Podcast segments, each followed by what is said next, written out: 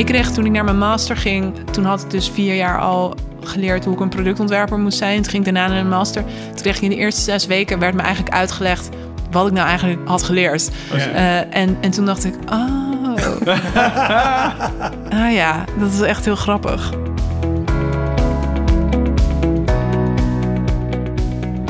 Hallo en welkom bij de Next S-Curve, een serie over positieve voortgang en innovatie.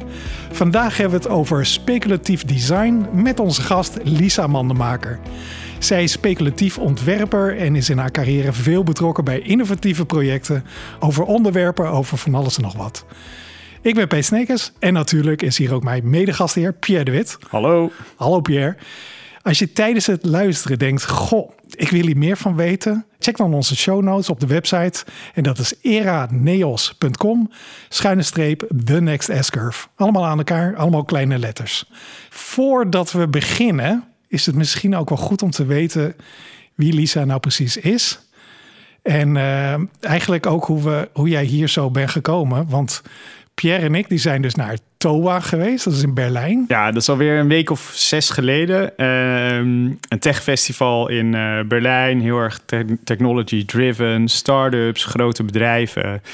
Uh, maar ook ontwerpers. En uh, ja. op een gegeven moment waren we thuis. We hebben nog een serie gemaakt met allemaal kleine chunks... waarin we bespreken wat we hebben gezien. Ja, mini-S-curves. Mini-S-curves, uh, staat ook online. Um, maar ik kwam op een gegeven moment... zag ik een, op een Instagram-post Lisa voorbij komen met... hey, ik ben in Berlijn geweest, TOA. Ik zei, huh? apart.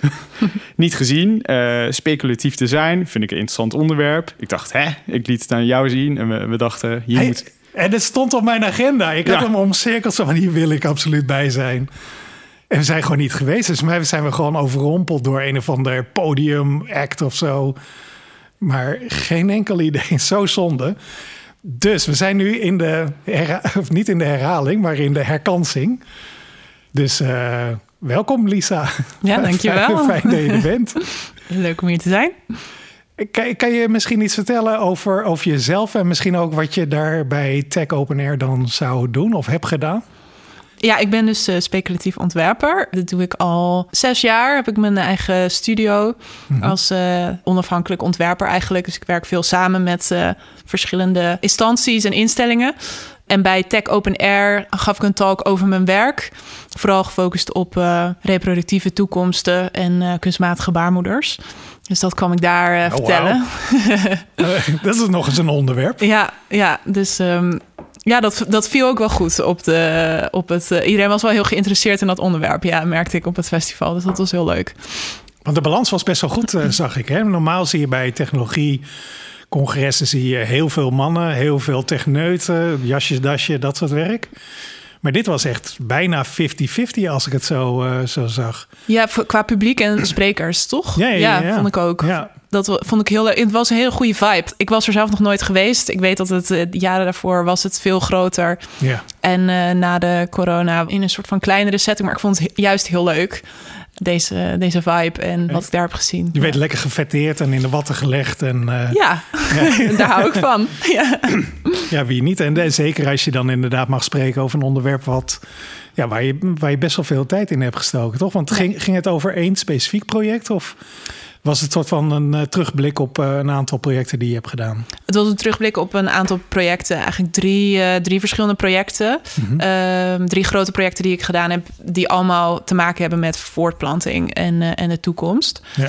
En nu ik dat eigenlijk zo, die drie naast elkaar heb... kan ik daar meer een soort van goed verhaal over vertellen... in plaats van alleen maar vertellen dit is een project wat ik heb gedaan. Ja, ja, ja. Nu heb ik een serie van die projecten en daar komt veel meer een bepaalde visie uit naar voren. Uh, dus daarom zijn dat soort podia als Tech Open Air een mooie plek om, om dat verhaal te vertellen. Ja, precies, ja. Ja, ik, ik zat te denken, is misschien een idee voor de luisteraar. Kijk, we zijn heel erg bezig met innovatie en uh, kijken naar de toekomst. Maar zo misschien ook even, ja, kun je ons wat meer uitleggen over speculatief design, wat het nou precies is? En... Ja. ja, hoe doe je dat eigenlijk? Ja, het is altijd best wel lastig om uit te leggen uh, wat speculatief ontwerp nou precies is. Iedereen heeft daar een andere uitleg over. Ik ga gewoon mijn uitleg vertellen. Helemaal prima. Ja. Ja, ik was altijd heel geïnspireerd door toen ik. eh, ik heb een productdesign achtergrond. Eh, en ik kwam speculatief ontwerp tegen toen ik studeerde in Arnhem. Daar deed ik productdesign. En dat was. Speculatief design begon bij Anthony Dunn en Fiona Raby. Ze waren een afdeling begonnen in Londen op een eh, designschool. En eh, daar wilde ik gewoon heel graag studeren. Eh, dus ik ben ook op die afdeling aangenomen. Alleen helaas zijn ze daarna, ze zijn ze precies toen ik daar ging beginnen, zijn ze verhuisd naar Amerika. Oh nee. Dus helaas, helaas. Maar ik kon wel op die, op die school blijven. En de, die speculatief design, dat hing daar nog wel. En ik kon wel met de juiste mensen een beetje samenwerken en zo. Ja, ja. Maar speculatief ontwerp ehm, gaat over ehm, toekomsten tastbaar maken. Maar je kan dat vanuit verschillende disciplines doen. Dat vond ik altijd zo interessant hoe Dan en Raby dat aanvloog. Want je kan als fashion designer ook speculative designer zijn. ja. Dan maak je kleding wa- wat je misschien draagt in de metaverse of in de toekomst of na een apocalyps of zo.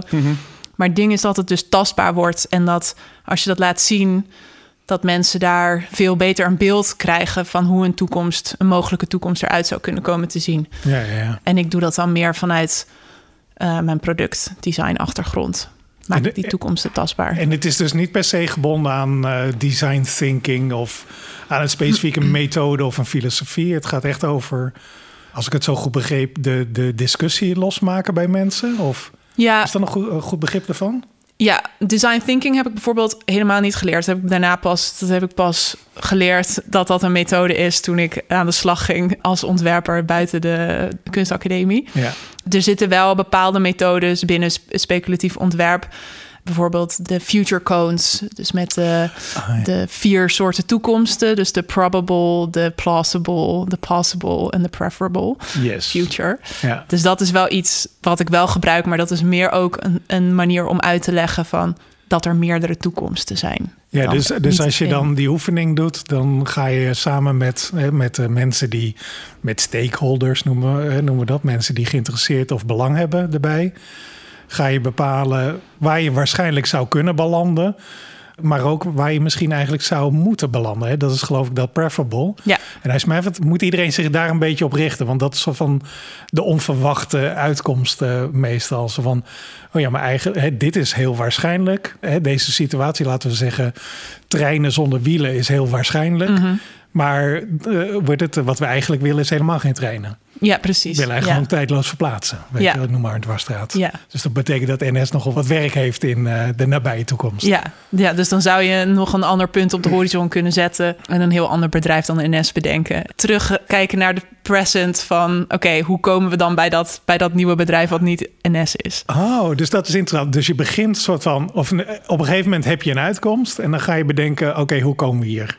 Wat is, de, wat is de leukste en beste route om hier te komen als bedrijf of als organisatie? Ja, precies. Ik doe meestal een far future bedenken. Ja. En heel vaak krijg ik te horen van, ja, wat hebben we daar nou aan om, om zo'n verre toekomst te bedenken? Maar daar heb je dus eigenlijk best wel veel aan. Ja. Omdat je heel makkelijk soort problemen waar we nu tegenaan lopen, die kun je gewoon heel even omzeilen.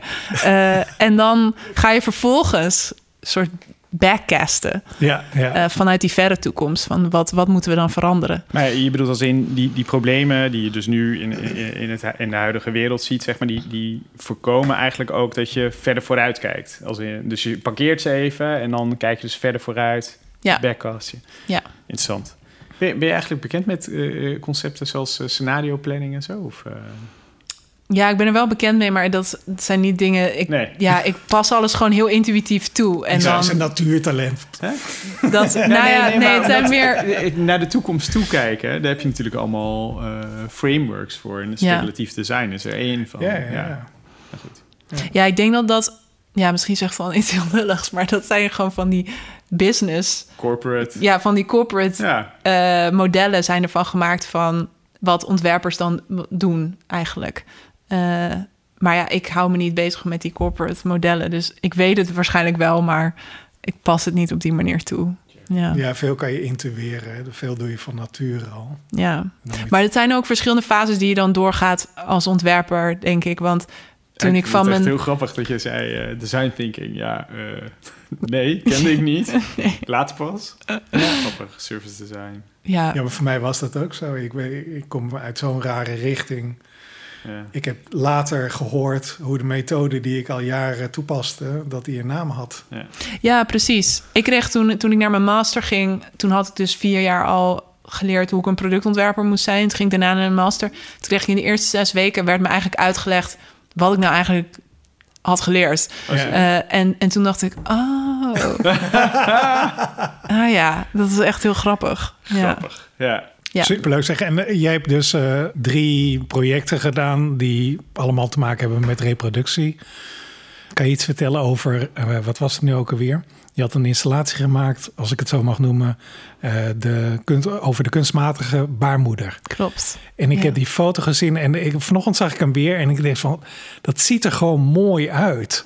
Maar wat, wat, wat moet het doen? Of misschien dat je even kan vertellen over wat het project dan precies Ja. zeg maar, zou moeten doen met mensen. Eh, ja, die installatie is inderdaad best een grote installatie. Bestaat uit eh, vijf grote rode ballonnen die eh, in de lucht hangen. En daar zitten allerlei slangen en draadjes aan, verbonden aan ja, machientjes die op de, op de grond staan. Ja. Hoe dit project tot stand is gekomen, het is een, eh, een samenwerkingsproject met het eh, Maxima Medisch Centrum in Eindhoven. Dat is een eh, ziekenhuis die werkt aan de ontwikkeling van een kunstmatige baarmoeder om prematuur geboren baby's te redden. Eh, dus nu is het zo dat als een, ehm, een baby heel vroeg geboren wordt, dus bij eh, 24 weken, dat de kans op overleving, die is er wel, maar die is ook vrij klein. En, en je hebt hele grote kans op complicaties. Die 24 weken oude baby gaat dan nu in een ehm, In een couveuse? couveuse. Ja, Ja, ja, ik zei had incubator, couveuse. ja, ehm, maar dat is eigenlijk een kamer gevuld met lucht. En eh, wat Maxima Medisch Centrum wil maken, is een ruimte gevuld met vloeistof. Eigenlijk wat lijkt op de baarmoeder. Om zo'n kindje nog ietsje verder door te laten groeien in die ruimte. voordat je hem in de couveuse zet. En dat noemden ze dus de kunstmatige baarmoeder. En ze waren al best wel ver met dat onderzoek. Maar dat had nog helemaal geen tastbare dingen. En ze wilden graag dat onderzoek laten zien op de Dutch Design Week. En toen kwamen ze bij eh, ons als ontwerpers uit van kunnen jullie dan iets maken waardoor wij onze research kunnen laten zien aan een breder publiek en een niet-academisch publiek. Dus dit gaat ook over een beetje over storytelling. Over vertellen van nou, wij werken aan iets wat mogelijk uiteindelijk eh, nou ja, het zo kan voelen. Maar Ja. ik neem aan dat ze geen ballonnen eh, of... Nee, dat hadden zij zich niet voorgesteld. Daar kwamen wij mee, ja. Ja. Maar wij hadden daar best wel veel vrijheid in gekregen. Ja, je kan, zou het ook kunnen zien als soort science communication, eh, omdat wij hun werk communiceren. Maar wij hadden daar ook nog wel weer de vrijheid in dat we mochten nadenken: wat willen wij nou met zo'n installatie zeggen? Ja. En wat ik belangrijk vind is dat zo'n werk eh, dat dat niet een afding is. Ik wil niet presenteren van kijk jongens, dit is hoe een kunstmatige baarmoeder eruit ziet. Ja. Dus ik noem het ook een prototype. Er kan nog van alles aan veranderen, maar dit is een beeld hoe het eruit zou kunnen komen te zien. En ja, voel maar bij jezelf van wat vind, wat vind je ervan als je dit ziet? Hoe voel je erbij? Loop er omheen? Wat, ja, wat, wat, wat moeten we hiermee? Ja, wat roept het in je ja, op? Ja, ja, ja. om zo die discussie te voeren over ja, best wel een impactvolle eh, technologie die onderdeel zou kunnen eh, worden van ons dagelijks leven. Ja. En, die, en die discussie is een soort van een belangrijk element daarvan, neem ik aan. Ja, heel belangrijk. Ja, dus ik noem het ook wel design voor eh, debate. Nice. Ja. Oh, dat is een hele mooie. En, en eh, zeg maar, wat is tot nu toe soort van de opbrengst daarvan? Eh, Zeg maar, wat voor discussies worden er nu gevoerd eromheen? Is dat, Ehm. zet je het overal neer in allerlei verschillende locaties?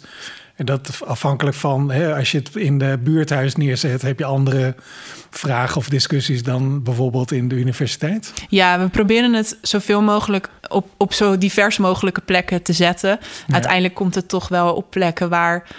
Ja, ik zou het graag in buurthuizen willen zetten. Daar is het nog niet ge- gekomen, maar het komt nu meer op een van die, op van die expositieplekken. Ja, ja, ja. Maar goed, je spreekt daar wel een heel ander publiek mee aan dan een academisch publiek. Eh, dus dat is al winst, vind ik. Ja, En ja, dus we verzamelen heel veel reacties van mensen, we gaan veel in gesprek met mensen. En toen we die eh, installatie voor de eerste keer presenteerden tijdens de Design Week, dat is alweer vijf jaar geleden. Toen werkten we ook samen met science communicators van de VU Amsterdam. Zij waren eh, daar ter plekke om echt data te verzamelen van... oké, maar wat, hoe reageren mensen hier nou op? Ja. Ik weet niet of dat uiteindelijk nu gepubliceerd is ondertussen. Maar ze hebben daar een paper over geschreven. Over Oh. wat dan de functie van speculatief ontwerp is... in het publieke ethische debat over technologie. Cool, heel Ja. cool. En dat wordt dan ook weer meegenomen in, denk ik, het verdere ontwikkeling. Want nou, dat sta- vraag ik me dus af. Ja. ja.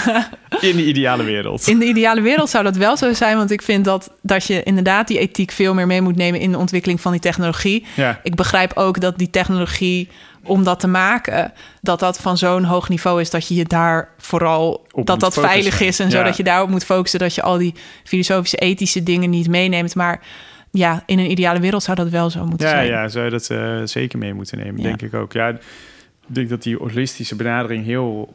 Nou, dat is, dat is gewoon heel belangrijk. Maar ik, ik kan me ook voorstellen dat als je in een bepaald domein zit... en je bent dit aan het pushen, zeg maar... is dat dat één mens dat misschien niet kan behappen. En dat is ook, denk ik, waarom eh, je graag dan in teams wil werken. Ja. Cool. Het lijkt mij ook dat. ik- Ten eerste, beste luisteraar, als jij nou een leuk buurthuis weet in eh, Amsterdam Zuidoost. het lijkt me zo leuk, weet je wel? Een Nieuwe, nieuwe aanvulling van het Kwaku Festival of zo. ja, precies. Maar die discussie voor die mensen die die kunstmatige baarmoeders gaan maken, die gaat dan heel erg over het utilitaire, neem ik aan. Zo van. Oké, is het, eh, Kan is, het? Is, kan het fysiek en is het babytje gered er, eh, ermee? Je hebt natuurlijk ook nog een heleboel een soort van emotionele factor waar juist dan die discussie wellicht dan ook over, Mhm. over gaat. Zeker.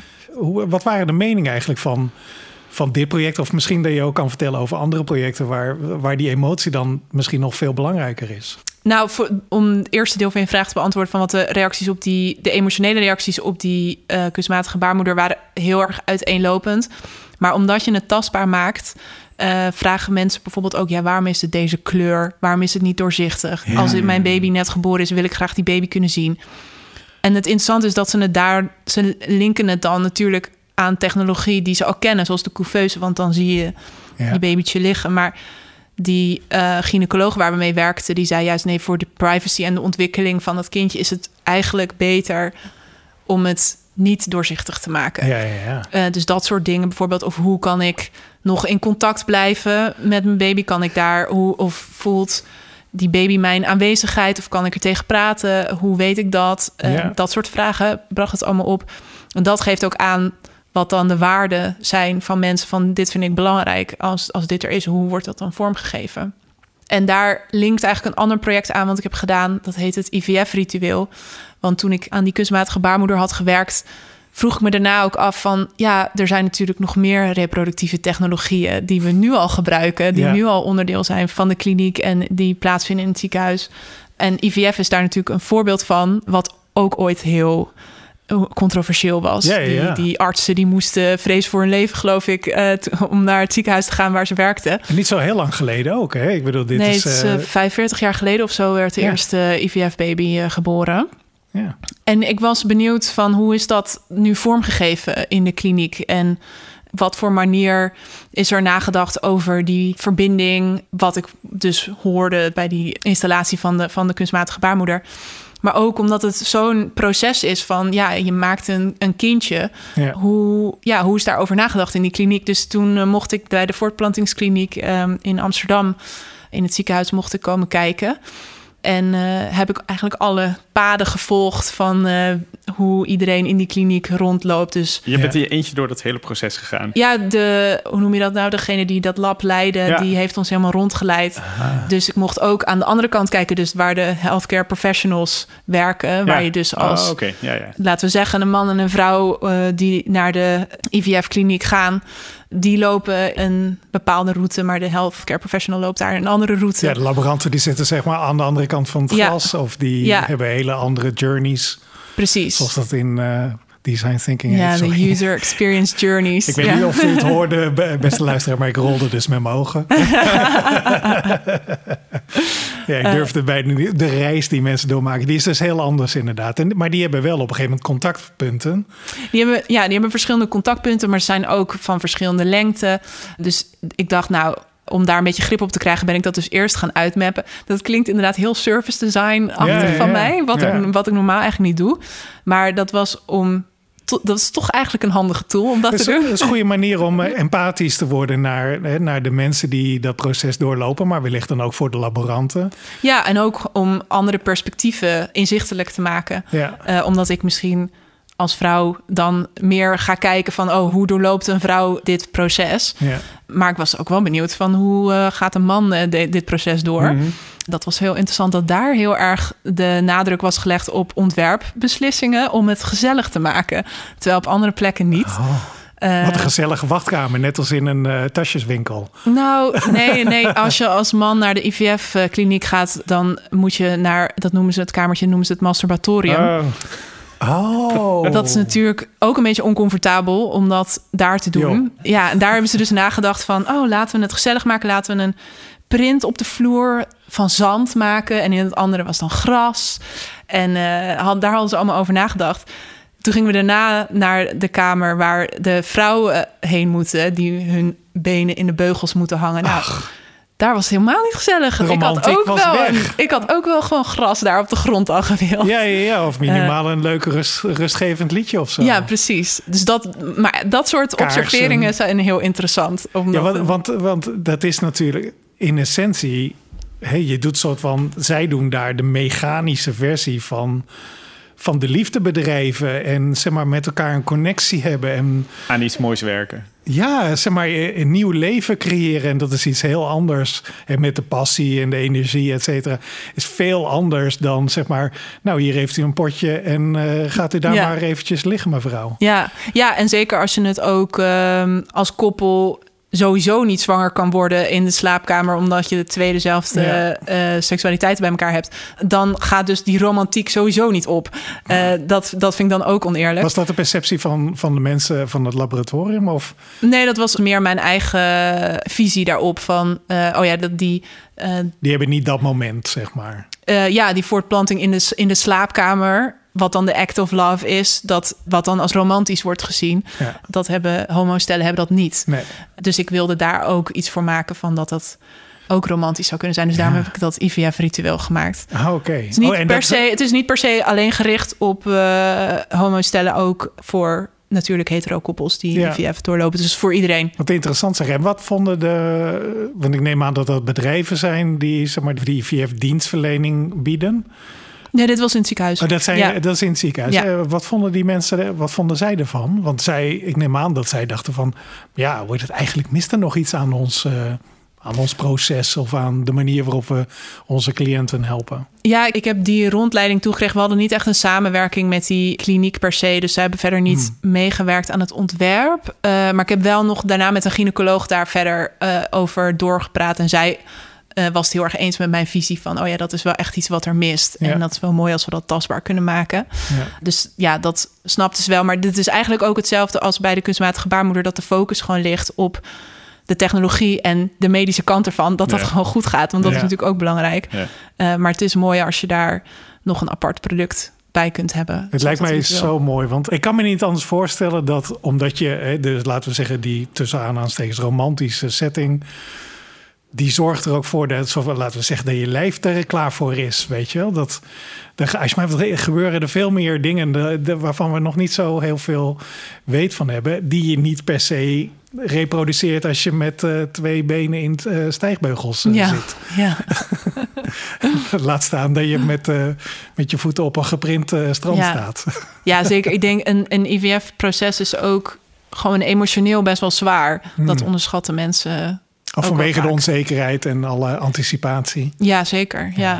ja. ja, en als het niet lukt of ja, dat, ehm, ja, is best wel zwaar. Ja, waar ik vooral heel erg benieuwd naar ben, welke discussies er dan uiteindelijk dan loskomen bij die bedrijven, weet je wel? Dat zij ook nadenken van, oh ja, we kunnen het nog beter maken. Of uh, stel je voor dat we, dat we dit nou echt maken. Ja, Hoe zou het dan werken? En dat ze daar het met elkaar dan ook over hebben van, oh ja, hm, dat is echt uh, super belangrijk. Ja, en het is ook wel grappig hoe, als ik het dan ergens presenteer, wat voor mensen daar dan weer op reageren. Want het laatst presenteerde ik het ook ergens.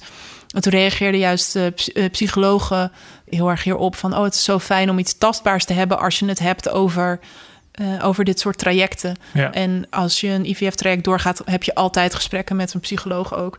Dus daar zou dat dan bijvoorbeeld een heel mooi onderdeel van uh, kunnen zijn. Ja. Hey, nou, nou ontwerp jij eh, en, en maak je installaties, maar eh, zie je ook voor je dat, dat, dat je dat virtueel zou doen? Of Ehm, Ja, is de metaverse iets voor jou? ik wou net zeggen de metaverse. Oh ja, echt? Ja, ik heb niet zoveel met de metaverse, moet ik zeggen.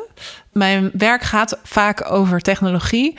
Maar als je kijkt naar hoe die installaties eruit zien, ziet dat er eigenlijk altijd heel analoog uit. Ja, ik vind die tastbaarheid en de manier van dat begrijpbaar maken en dat opbouwen, dat vind ik er heel belangrijk aan. Ja. En misschien over een aantal jaar denk ik er heel anders over. Vind ik de metaverse wel interessant, maar ja, nee, nu niet. Nee, Nee. nee. ik kan me niks meer Het, gaat, e- voorstellen het nog. gaat echt letterlijk om de tastbaarheid eh, van, eh, van, de, van het vraagstuk of eh, van hetgeen waar we het over hebben. Ja, Ja, ja. Dat maakt, maakt dat dan meer los volgens jou? Of is dat, waar, waar, zit hem, waar zit hem dat in voor jou? Ja, misschien is het ook. Ja, ik denk omdat het zo, het zo erg meer over het leven hier gaat. En die, de, die tastbaarheid is belangrijk voor mij om dat gesprek te kunnen voeren Mhm. en te kunnen voelen. In plaats van alleen maar met ratio of ergens naar kijken. Dat, ja, daar zit het voor mij in. Ja, dus echt tactiliteit en dat Ja. je eromheen kan lopen. Ja, dat kan in Metaverse in principe ook. Ja.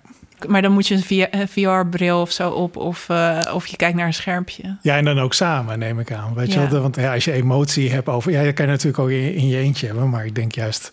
Van wat ik vaak zie... Ik zag toevallig een, eh, een project waarin men zei dat ze speculatief design deden. En ze hadden dus in de metaverse hadden ze Singapore in zijn geheel nagemaakt. Dus een digital twin, zoals het mooi heet.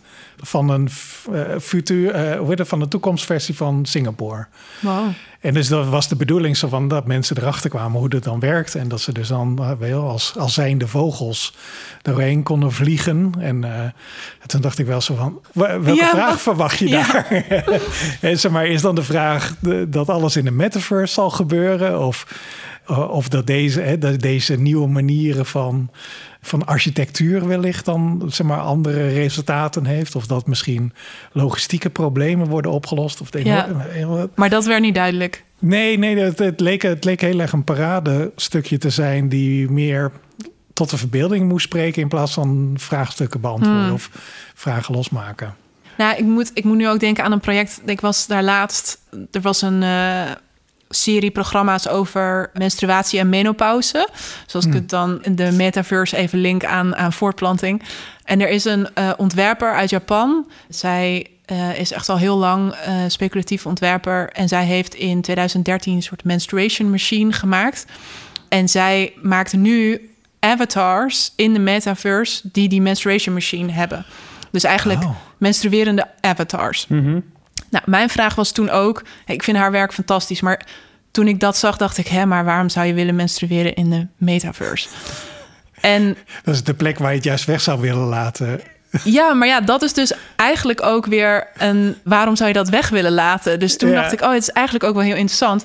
Maar toen werd dus duidelijk in dat proces, en daar vertelde zij dus over in die talk waar ik bij was, dat menstruatie overal geband is in de metaverse. Bestaat Mag niet. gewoon niet bestaan. Nee, Oh. ja. En dat zegt dan wel weer heel erg dus wat je zei over die vragen van wat roept het dan op van dat ding wat jij bouwt in de metaverse.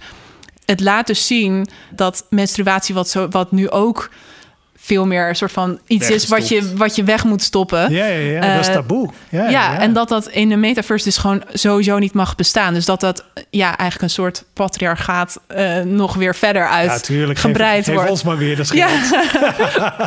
Eh, maar goed, dus, dat vond ik wel heel interessant. Dus dat dat vraagstuk dan wel aangehaald wordt door het project. Terwijl ik zelf dus eerst ook dacht van ja, waarom zou je in godsnaam willen menstrueren in de metaverse?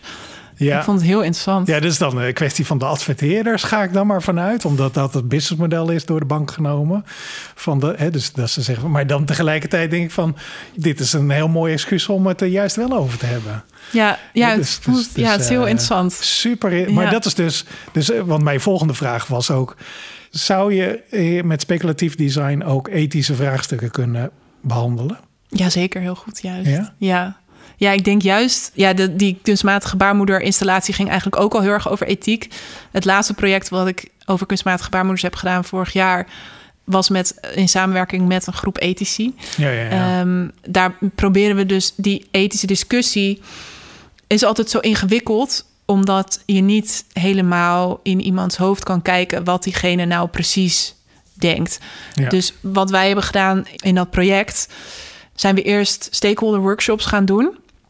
En wat ik dus zo opvallend vond in, in dat soort workshops, is dat als mensen erover praten, dus we doen de eerste sessie, hebben we een, een ethisch vraagstuk, meestal dus rondom de toekomst van kunstmatige baarmoeders. Uh, maar dat kan ook andere onderwerpen zijn natuurlijk. Dan gaan mensen daar eerst over in discussie, gewoon zoals je dat normaal ook zou doen. Ja.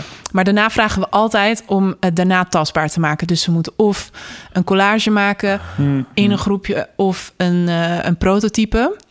En op dat punt, dan wordt het dus heel interessant, want ze waren het dan eerst heel erg eens met z'n allen. Van, oh ja, we, we, we weten wel Ja, ja. hoe we er met z'n allen over denken. Maar Ja. zodra ze het tastbaar moeten maken, dan blijkt dus dat ze er toch een ander beeld allemaal bij hadden. en als je het dan tastbaar maakt en iemand maakt dat beeld en dan zeggen ze, oh ja, maar in dat geval, bedoelde ik het niet. Zo bedoelde ik het niet.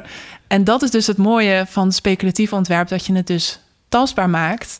En dan kunnen heel veel mensen inderdaad ook zeggen van... oh, maar zo op die manier zou ik het niet willen. Nee, nee. Of op die manier, oh, op die manier zou ik het misschien wel een goed idee vinden. Ja. Of als we dan dat nog vormgeven daarbij... dan zouden we erover kunnen nadenken dat het wel wenselijk is. Dus dat is het mooie van speculatief ontwerp, vind ik. Ja, dus het, dus het schaalt in principe ook op hele abstracte onderwerpen en dat soort zaken. Zou, zou je, want eh, wij hebben natuurlijk heel veel, heel veel klanten die zitten in, of in de overheid of ook in de zorg. Eh, maar ook hè, dus relatief ehm, basale zaken als woningcoöperaties en zo. Weet je, dat, dat zijn ook klanten van ons, maar ook mensen die wel installatiemonteurs zijn. Hè, dus een collectief van installatiemonteurs Maakindustrie. van de maakindustrie Mhm. inderdaad. Zou, zou je, en dat zijn bedrijven die heel praktisch naar de wereld kijken. Hè? Want die zijn een beetje, hun industrie lijkt gewoon af te zijn. Er is, er is wel veel technische in- innovatie. Maar de handelingen en het businessmodel en de manier waarop dingen beschouwd worden, die zijn vrij, ja, die zijn af. Ja. Mooie krul er doorheen. Zou je die bedrijven willen aanbevelen? En dat kan natuurlijk wel raden uit het antwoord. Maar aanbevelen Om om, te daar samenwerken. Nee, maar om daar speculatief design, om daar juist toe te passen. Om hè, misschien de verwondering weer terug te brengen. Of misschien kan je vertellen, zijn er projecten die je hebt gedaan waar bedrijven er achteraf achter kwamen of mensen er achteraf achter kwamen van ik weet nu gewoon, ik heb nu veel meer betere vragen over hoe wij verder moeten dan voorheen. Oh, ik zit even te denken of ik daar een goed voorbeeld over heb. Ja, ik denk dat het wel is als ik, als ik werk met eh, mijn samenwerkers, dat, dat er wel altijd zoiets is van: oh ja, dit is wel een heel ander perspectief. Hier had ik niet bij stilgestaan of hier had ik niet over nagedacht. Ja, Dus dat is wel zeker wat, wat altijd gebeurt. Maar dat wil niet zeggen dat je dan dus altijd blij bent met dat nieuwe perspectief. Het is soms ook gewoon heel oncomfortabel. ja. Eh, Confronterend. en confronterend Ja. en gewoon heel abstract. Ja, dat komt er ook wel bij kijken. Maar dat is, ik vind dat een heel leuk proces. Eh, ja precies. Ja. ja. En is dat iets waar je dan van tevoren ook vertelt? Zo van, oké, we gaan waarschijnlijk vragen aan elkaar stellen waarvan we nu nog niet weten wat dat wordt. En dat gaan we gewoon verkennen met elkaar. Ja, ik denk dat ik daar nu wat meer, nu ik er meer ervaring mee heb, zou ik dat nu wel zo insteken. Dat heb ik voorheen nog nooit gedaan. Nou, voorheen was het een beetje eh, zo van... Ja, maar- het was hoe- gewoon clashen af en toe. maar het is ook vaak dat ik, de, eh, dan ben ik de enige in de afgelopen. In mijn laatste samenwerking was ik de enige ontwerper. Ehm, en dan Hmm. werk je dus met allemaal academici samen. Ja, En zij zijn gewoon gewend aan een bepaalde output. Papers, theorie. ja. En ik kom met gewoon iets totaal anders. En dat is best wel lastig. Ook een hele leuke uitdaging. Ja, soms is dat gewoon best wel moeilijk. Soms ja. heb je ook een vertaler nodig, toch? Ja, soms heb je een vertaler nodig. Ja, een soort Iemand die hybride. domeinkennis heeft, weet waar het over gaat. En, en, maar ook tegelijkertijd eh, jouw wereld eh meeneemt. Ja, die mijn wereld kent en het gewoon een, een beetje in academische taal kan vertalen Ja, eh, naar de academici. Dat werkt wel beter in het opstellen van eh, teams. Dus dat zijn ook dingen die ik meeneem nu. Ja. Super mooi zeg. Pierre, heb jij eh, nog een eh, laatste vraag? Misschien een lekker, lekkere uitsmijter? ja, die heb ik wel. Waar zou je nog een eh, droomopdracht over willen doen? Oh, een droomopdracht. Oh, daar had ik misschien van tevoren over na moeten denken. ja. Misschien een bepaald onderwerp of een sector? Nou ja, ik zit wel heel erg in die reproductive futures. Dus Mhm. dat wil ik gewoon graag nog beter op de kaart zetten. eigenlijk nu is de droom een, een soort overzichtstentoonstelling met allerlei werk van verschillende ontwerpers en samenwerkingen, ook bedrijven of onderzoekers. Bij elkaar brengen van het domein eigenlijk. Ja, en dat als je dat in één ruimte zou kunnen samenbrengen, dat lijkt me dus heel cool. En dat daar een mhm. soort van verschillende verhalen kunnen ontstaan. Cool. Dat lijkt me heel vet. Ja. Nou, beste academische medisch centra, luister mee. En ook uh, ja, allerlei andere... Medische bedrijven, medische ja, precies, bedrijven. Ja. Zekere medische bedrijven met, uh, die altijd uh, van die stripjes uitdelen aan mensen. Ja. Nou, dat is, dat is hartstikke fijn. Dank je wel hiervoor in elk geval. Dit was, dit was een superleuk gesprek en het smaakt echt heel erg naar meer. Als mensen jou nou willen volgen of willen jouw activiteiten willen volgen hiernaar, maar wat is dan de beste manier om dat te doen? Instagram of, uh, of LinkedIn. Ja. En, dat is, uh, en dan gewoon jouw naam? Dat is gewoon mijn naam, Lisa Mandenmaker. zetten we wel in de show notes. Die zetten we zeker in de show notes. Ja, we zullen die foto eh, van jouw werk ook eventjes in de show notes zetten, zodat mensen het na kunnen lezen. En uh, dit, uh, dit is dan alweer het einde van, uh, van de derde The Next S-curve. Wat een tof gesprek. Lisa, dank in elk geval voor jouw ervaringen en perspectief op speculatief design. Als mij zijn we hier voorlopig nog niet op uitgepraat. Zijn, ja, we hebben natuurlijk al de plekken van waar je projecten te vinden zijn. Die zetten we lekker in de show notes. En dan was dit de derde aflevering van The Next S-Curve. Een serie over positieve voortgang en innovatie met Pierre de Wit, Peet Snekers en onze gast vandaag Lisa Mandenmaker. Wil je meer weten over deze podcast? Ga dan naar iraneos.com schuine streep The Next S-Curve. Allemaal kleine letters en allemaal aan elkaar. En natuurlijk zijn we ook benieuwd wat jullie vinden. Dus deel vooral jullie uh, vragen via LinkedIn. Daar zijn we het meeste te vinden. Maar je kan ook naar ons mailen op nextscurve Tot de volgende keer. Tot de volgende keer.